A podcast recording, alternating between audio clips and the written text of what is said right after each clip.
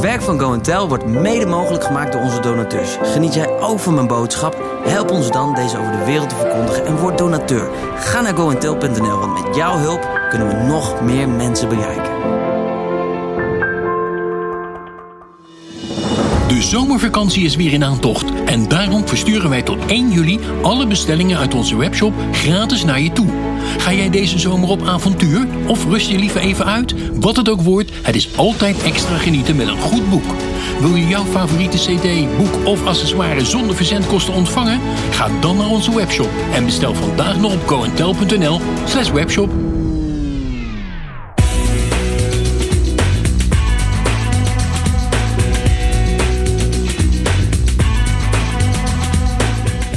Welkom. Onze geestelijke tuin ligt net als onze natuurlijke tuin vaak vol met onkruid. Hoe gaan we hiermee om? Hardop zeggen dat het er niet is? Of onze handen vuil maken? Hier is David in deel 1 van Als je leven een tuin zou zijn.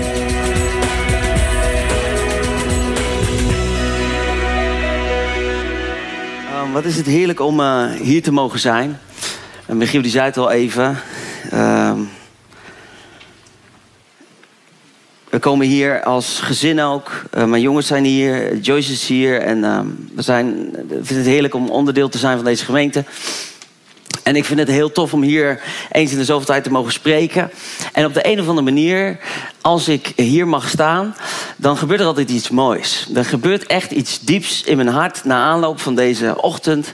En, dan komen er dingen tot me waarvan ik denk: jongen, jongens, uh, had ik dat maar vaker. Als ik zeg maar richting de grote podiums ga. En ik heb er wel eens over nagedacht, waar heeft dat nou mee te maken? Maar ik denk dat het toch een beetje onze verbondenheid is. Uh, de gemeente die al jarenlang met ons optrekt, uh, voor ons bidt, van ons houdt, in ons investeert. Uh, en daar wil ik echt dankjewel voor zeggen. En ik denk dat het nou gewoon ook een return is, wat er dan gebeurt in mijn hart, ook richting de kerk, zo op zondagmorgen. Dus ik bid en ik hoop en ik geloof dat deze morgen ook een hele rijke morgen zal zijn. Als het aankomt op het woord van God, ook voor jou persoonlijk. Um, wat ik net vergeten ben te bidden, is dat God Feyenoord vanmiddag kracht geeft om staande te blijven in de Amsterdam Arena.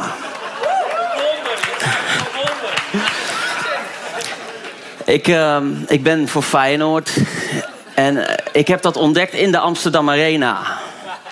Toen ik samen met Jan Pol naar de wedstrijd Ajax-Feyenoord ging. Zij nam me mee. Ik was een beetje zwevende supporter. Maakte me helemaal niet zoveel uit. Weet je wel, Ajax, PSV, ADO Den Haag. Maar toen zat ik in de arena. Dat was vlak voordat Van Persie kwam. En um, Feyenoord werd ingemaakt met 4-1 of zo uh, door Ajax. En uh, toen begonnen de supporters te joelen. Waar is Van Persie nou? Waar is Van Persie nou? Dat was dan de grote redder. En ik voelde in mijn hele lijf... ik ben helemaal niet voor Ajax, maar ik ben voor Feyenoord. Dus ik heb ook nagedacht, hoe kan dat nou? En ik denk dat ik het antwoord heb. Ik denk dat ik een, uh, een pity supporter ben. Dus een underdog supporter. Dus degene die verliest krijgt mijn support.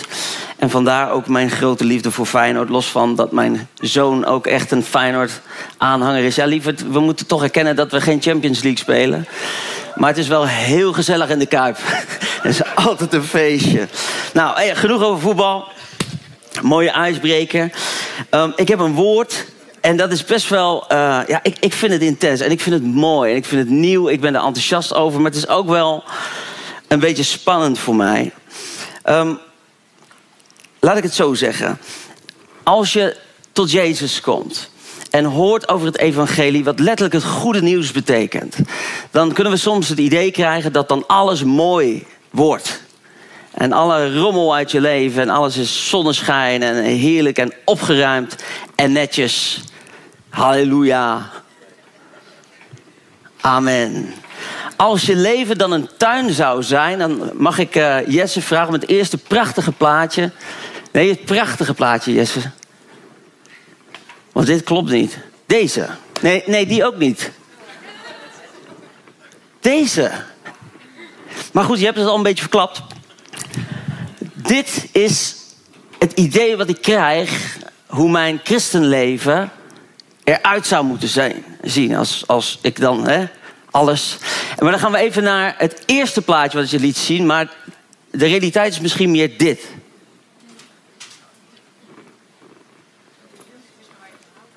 Dus de tuin is wel hetzelfde, dat is gewoon mijn leven. Alleen hij is niet netjes, hij is niet schoon, er staat wat onkruid, dus gedoe. En dan is de zoektocht, als ik dan het woord van God hoor... en als ik dan dat ontvangen mag in mijn hart... hoe breng ik dat nou zo in mijn leven dat ik van deze puinhoop eigenlijk ga naar die mooie tuin? En een van de dingen die we veel leren is dat woorden kracht hebben. Dat we die moeten uitspreken. En dat dat vervolgens effect heeft. Alleen het is een mysterie hoe dat nou werkt. En ik hoop dat ik je daar vanmorgen wat in mee kan nemen. Dus ik kan me voorstellen dat als dit mijn realiteit is. En ik ben op zondagmorgen hier. En ik hoor over die prachtig mooie tuin. En ik ga naar huis. Dan ga ik bij die tuin staan. En dan, dan, dan zeg ik. Er is geen onkruid in mijn tuin. Er is geen onkruid in mijn tuin. Halleluja. Er is geen chaos in mijn leven. In Jezus' naam. Nou, morgen beter misschien. Positiviteit. Je hebt ook van die positiviteitsgoeroes in de wereld, hè? Die zeggen dan, je moet gewoon een beetje positief zijn en dan komt allemaal goed. En het is eigenlijk een beetje hetzelfde, gewoon maar zeggen. Het is bijna ontkennen dat dit gewoon echt een gigantische puinhoop is. Ja, maar als ik er naar kijk, dan is het eigenlijk wel een beetje een mes. En met deze gedachte ga ik je meenemen in het volgende verhaal. Een verhaal wat jullie allemaal kennen. Maar we gaan er wel even doorheen, want het is echt weer een prachtig mooi verhaal. Lucas 10, vers 25. Hier staat boven in mijn Bijbel het enige noodzakelijke. Er kwam een wetgeleerde die hem op de proef wilde stellen. En hij vroeg, meester, dat is aan Jezus, wat moet ik doen om deel te krijgen aan het eeuwige leven? En Jezus die antwoordde en die zei, wat staat er in de wet geschreven? Wat, wat leest u daar? En de wetgeleerde die antwoordde, heb de Heer uw God lief met heel uw hart en met heel uw ziel en met heel uw kracht en met heel uw verstand en uw naaste als uzelf. U heeft juist geantwoord, zei Jezus tegen hem. Doe dat en uh, nou, dan komt het wel goed. Maar de wetgeleerde die wilde zich rechtvaardigen. En die vroeg aan Jezus, oké, wie is dan mijn naaste? Om wie gaat het dan? En toen vertelde Jezus hem het volgende. Er was dus iemand die van Jeruzalem naar Jericho reisde... en onderweg werd overvallen door rovers die hem zijn kleren uittrokken... hem mishandelden en hem daarna half dood achterlieten. En toevallig kwam er een priester langs. Maar toen hij het slachtoffer zag liggen, toen liep hij met een grote boog om hem heen. En er kwam ook een leviet langs. Maar bij het zien van het slachtoffer liep, slachtoffer liep ook hij met een grote boog om hem heen. Een Samaritaan echter, die op reis was, die kreeg medelijden. Toen hij hem zag liggen. Hij ging naar de gewonde man toe, goot olie en wijn over zijn wonden en hij verbond ze. Hij zette hem op zijn eigen rijdier en hij bracht hem naar een logement waar hij voor hem zorgde. En de volgende morgen gaf hij twee denarii aan de eigenaar en hij zei: Zorg voor hem. Als u meer kosten moet maken, dan zal ik u die op mijn terugreis vergoeden. Wie van deze drie is volgens u de naaste geworden van het slachtoffer van de rovers? vroeg Jezus. En de wetgeleerde die zei: De man die medelijden met hem heeft getoond. En toen zei Jezus tegen hem: Doe dat doet, u, dan, doet u dan voortaan net zo. Um, een klassieker vanuit de Bijbel. Een verhaal waar misschien menig zondagschool optreden ook wel eens van gemaakt. Theater kun je ervan maken. Prachtig mooi verhaal. Confronterend verhaal. Want ja, degene van wie het verwacht, de priester, de voorganger, de prediker, de evangelist. Van wie je het verwacht, die, die, die had niet het juiste antwoord voor deze man. Sterker nog, hij ging er met een boog omheen. Want uh, hij had belangrijkere dingen te doen. En dan de levieten, de, de worshippers, uh, de mensen van, van aanbidding. Die hadden ook niet het juiste antwoord. Maar het was de Samaritaan. En in die cultuur, dat weet je, was dat wel echt een beetje de schaduwzijde van de Joden. Dat was een heleboel goed, maar de Samaritanen, dat, dat, dat was eigenlijk niet oké. En Jezus maakt natuurlijk een heel sterk statement om te zeggen: het gaat niet om wat je uitstraalt en wat je vindt en wat je allemaal roept, maar het gaat uiteindelijk om wat je doet. Want je doet wat je gelooft. Ben je er al achter in je leven? Dat alles wat je doet, doe je omdat je gelooft dat het goed is om dat te doen. Ben je er nog? Ik zie dat er een paar nog zijn. Een aantal zitten al in de wedstrijd. Je moet even hier blijven. Voordat we naar de middag verhuizen. Wat zo belangrijk is in dit verhaal. En ik kan er een heleboel mooie dingen over zeggen. En ik wil er voorzichtig mee zijn, want ik wil eigenlijk ergens anders naartoe. Maar het moet toch even een klein beetje. Um, als de priester of de voorganger voorbij het slachtoffer loopt, hè, dan ken je dat verhaal. Dan, dan ziet het slachtoffer liggen en dan zegt hij: Oh man, heftig. Uh, ja, hey, misschien moet je even proclameren, man. Komt het goed? Maar ik moet nu naar de kerk, want ik heb nog een hele belangrijke dienst. En nou, gaat naar de dienst. En dan wordt hij zo geraakt tijdens de aanbidding dat hij zijn preek verandert. Aantekeningen de deur uit. En hij preekt die ochtend over de man in de goot die we echt zouden moeten helpen. Ik heb zoveel preken gehoord van wat we zouden moeten doen. Maar waar zijn de voorbeelden van mensen die het doen? Die erin leven? In plaats van zouden moeten doen, is het zo belangrijk dat we actie ondernemen. Nou, dit is natuurlijk een inkopper. Zijn we allemaal over eens. Maar ook de aanbiddingsleider. Misschien roept hij wel: aanbidding is je grootste wapen, man.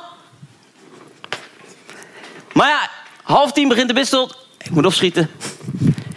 Tijdens eh, de voorbereiding en de bidstond ontstaat er een nieuw lied in zijn hart. En dat lied gaat over de man in de goot. Halleluja. U reikt uit naar de man in de goot.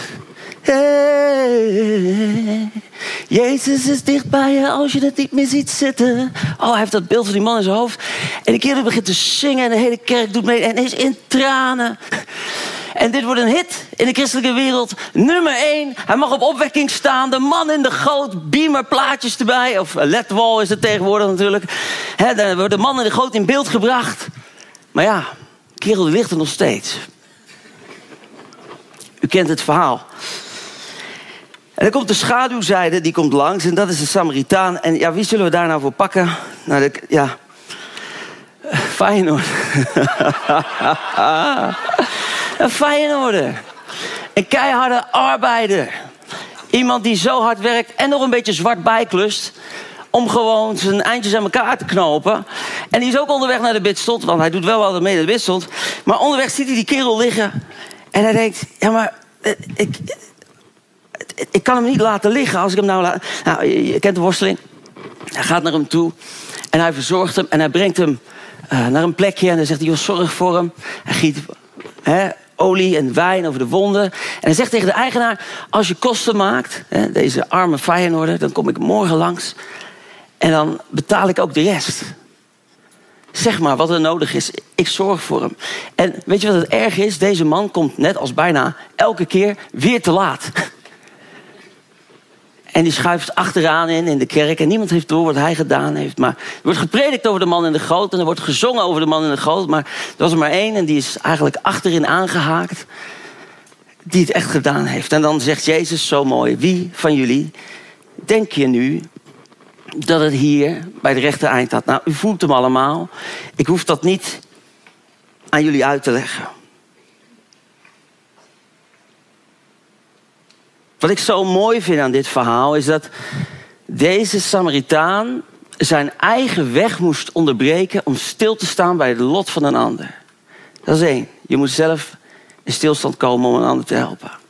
Dan staat er ook dat die, die ander op zijn rijdier legde. Zijn positie ingaf. Dus hij daalt af om van zijn rijdier te komen. Dan naar de gewonde man toe om met hem te verbinden en hem te verbinden. Dat zijn een aantal hele mooie principes. Dus als ik een ander wil helpen, zou ik even moeten pauzeren op mijn weg.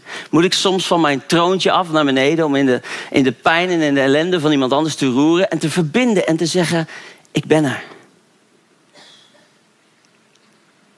Terwijl degene van wie we het zouden hopen er met een grote boog omheen lopen. Want ja, ik moet zo wel optreden. En even alle eerlijkheid, ook ik heb dat gedrag. Ik heb de priester in mij, ik heb de leviet in mij, uh, ik heb ook de Samaritaan in mij, ik heb ook de Feyenoorder. Maar die komt ie. Switch. Gaan we even draaien.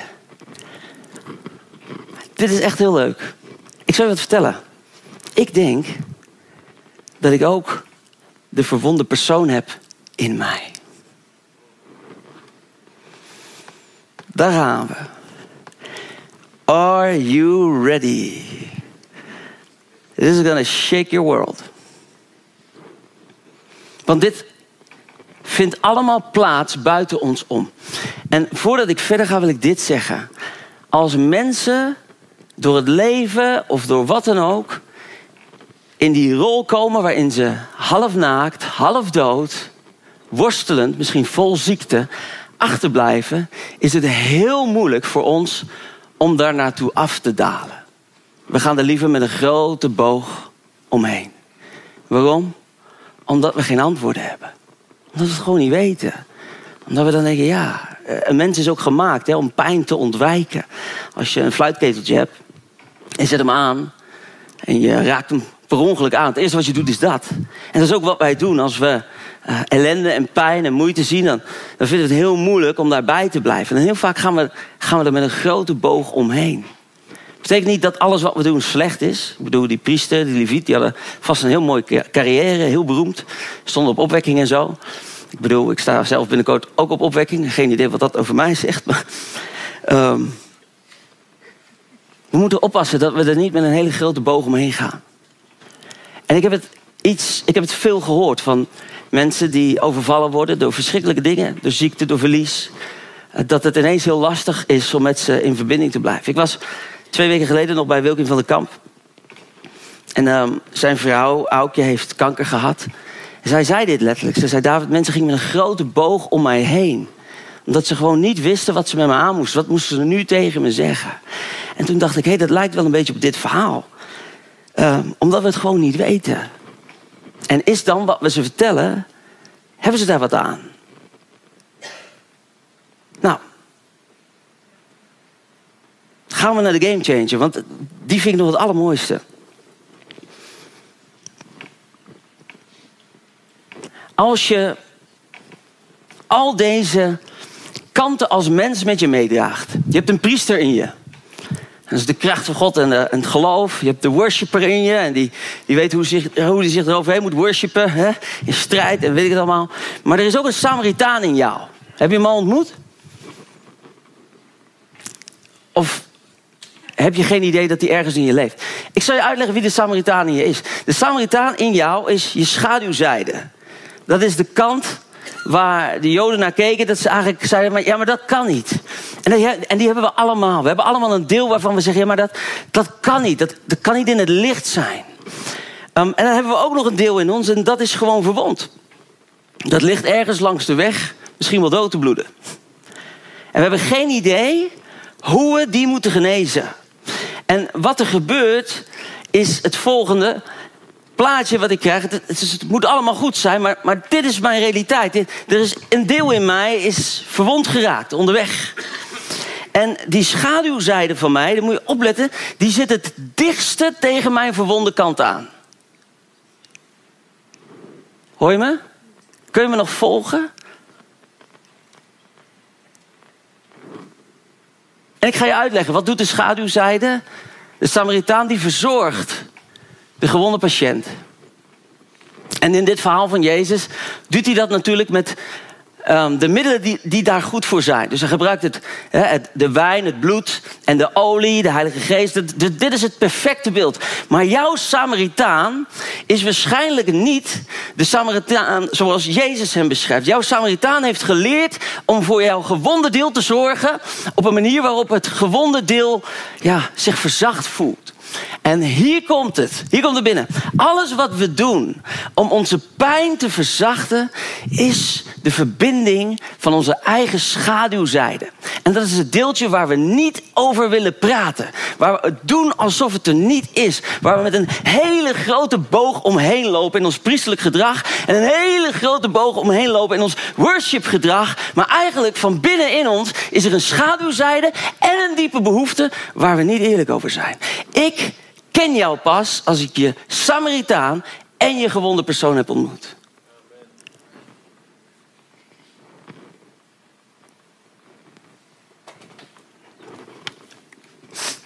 Wauw. En dat is best wel lastig, want we zijn heel erg gewend, en dat is vooral die buitenkant, om, om die priester te laten spreken en die worshipper naar voren te laten komen, want, want die ziet er lekker uit. Gaat goed, joh. Lekker man. Nee, ja, zit lekker in mijn vel. En totdat je onder druk komt te staan en dat deel in jou wat kapot is, om aandacht vraagt. Sommige mensen weten niet eens dat het er is.